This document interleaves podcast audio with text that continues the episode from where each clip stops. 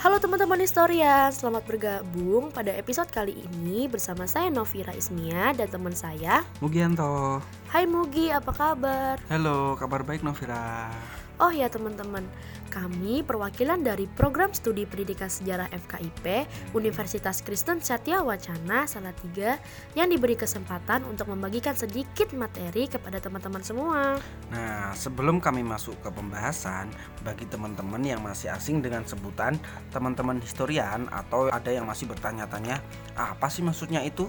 Jadi, teman-teman historian adalah sebutan bagi teman-teman pendengar podcast kami yang mengulas tentang sejarah-sejarah di dunia pada umumnya dan di Indonesia pada khususnya. Oh iya, udah dulu ya basa-basinya. Novira, apa sih yang mau kita bahas pada episode kali ini? Gini Mugi dan teman-teman historian semua, episode kali ini kami akan membahas tentang perempuan-perempuan perkasa di Jawa. Hmm, selama ini kan yang terkenal Raden Ajeng Kartini. Nah, benar banget itu sampai kita peringatin setiap tahunnya kan. Betul sekali. Dan kesempatan kali ini kami akan membagikan sedikit pengetahuan tentang tokoh Pramudawardhani. Mugi, siapa sih tokoh Pramudawardhani ini? Nah, Pramodawardhani itu adalah ratu dari bangsa Sailendra atau yang sering kita sebut dengan kerajaan Mataram kuno. Beliau itu terkait dengan pendirian stupa Borobudur dan candi lainnya di Jawa Tengah. Kesemuanya itu terkait dan dibuat oleh wangsa Sailendra yang beragama Buddha dan wangsa Sanjaya yang beragama Hindu guys. Nah, persatuan agama Buddha dan Hindu itu terjadi melalui perkawinan Pramodawardhani yang beragama Buddha dengan Rakai Pikatan yang beragama Hindu.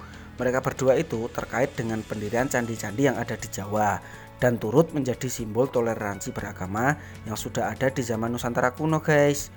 Nah, selain cerita toleransi beragama yang ada di zaman kuno, Pramodawardhani juga bertutur tentang kekuasaan perempuan di Jawa kuno guys dengan gelar Sri Kahulunan. Pramodawardhani diduga menjadi ratu pengganti Maharaja Samaratungga dan namanya itu tersebut di prasasti Kayuwungan pada tahun 824 guys yang meresmikan sebuah bangunan Jinalaya yang bertingkat-tingkat sangat indah. Ada yang menafsirkan Jinalaya adalah sebagai stupa Candi Borobudur. Ia meresmikannya sebagai ratu atau anak dari Samaratungga, guys. Ada juga nih teman-teman historian prasasti yang menyebutkan Sri Kahalunan yang diduga Pramudawardhani meresmikan pemberian tanah dan sawah ke rakyat agar mereka menjaga kelangsungan pemeliharaan bangunan suci untuk memuliakan nenek moyang di bumi Sambara. Pramudawardhani disebut dalam beberapa prasasti dan masih diperdebatkan peran serta kedudukannya.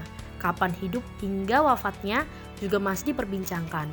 Buku 80 tahun Kowani, derap langkah pergerakan organisasi perempuan Indonesia pada tahun 2009 menyebut masa hidup Pramudawardhani yakni antara 833 sampai 856 dan Pramodawardhani disebut-sebut berseteru dengan Balaputra Dewa yang masih menjadi paman atau saudaranya loh. Perseteruan mereka itu berakhir dengan Balaputra Dewa menyingkir ke Sriwijaya atau yang ada di bumi Sumatera. Nah, Balaputra Dewa kemudian menjadi penguasa kerajaan Sriwijaya yang kemudian menjadi cerita inspirasi untuk pendiri bangsa Indonesia dalam membangun Indonesia masa kini loh. Pramudawardhani meninggalkan jejak langkah yang harus ditelusuri lebih lanjut terkait dengan tatanan kuno Nusantara dalam mengatur urusan gender. Tatanan dari Polinesia yang nampak begitu kuat dalam artefak candi-candi yang ada di Jawa Tengah ini. Jadinya seperti apa? Inilah wacana yang harus digali, dicari, dan diketemukan. Dan kisah Mataram kuno dengan peninggalan yang begitu indah dan megah kemudian dipindah oleh Empu Sendok ke Jawa Timur yang membentuk tatanan kuno jenis lainnya yang harus dipelajari lebih lanjut juga. Karena di Jawa Timur ada cerita Panji dan Sakertaji yang dinilai sebagai budaya tandingan India yang diciptakan oleh pujangga Jawa kuno. Budaya Panji terekam dalam cerita dan artefak yang tertera di beberapa candi Jawa Timur yang bernafaskan semangat kesetaraan gender, di mana Sekartaji digambarkan bisa aktif mengembara, menyamar, dan bersifat merakyat. Kisah tentang istana yang dituturkan oleh rakyat jelata yang begitu kondang sampai di Asia Tenggara. Oke teman-teman historian, sekian episode kali ini yang bisa kami sampaikan. Semoga menambah wawasan teman-teman historian semua ya. Jangan lupa dengerin episode-episode kami selanjutnya. Dah.